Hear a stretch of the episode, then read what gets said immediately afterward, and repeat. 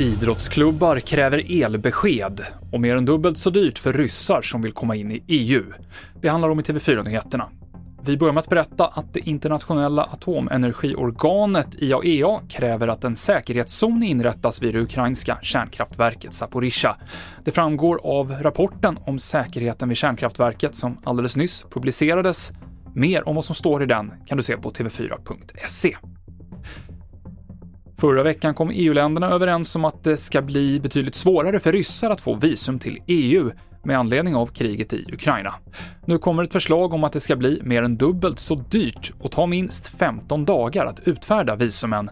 Det kommer också krävas att den som ansöker lämnar fler dokument än tidigare. Hushåll och företag i Sverige är oroade inför vintern och för vad elräkningarna kan landa på.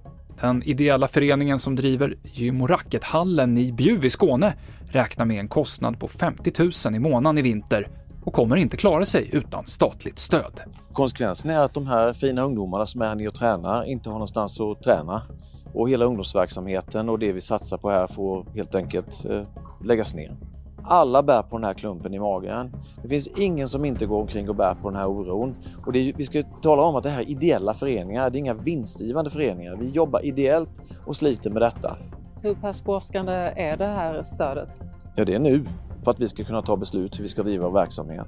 Vi driver ju inte den per dag utan vi driver ju det här liksom halvårsvis och årsvis och framåt.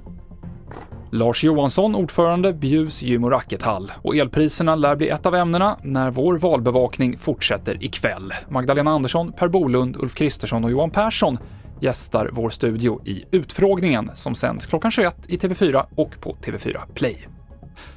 Och i Storbritannien har nu Liz Truss formellt utsetts till ny premiärminister efter att hon träffat drottning Elizabeth i Skottland idag. Nu vid 17-tiden ska hon hålla sitt första tal som premiärminister vid 10 Downing Street. TV4-nyheterna med Mikael Klintevall.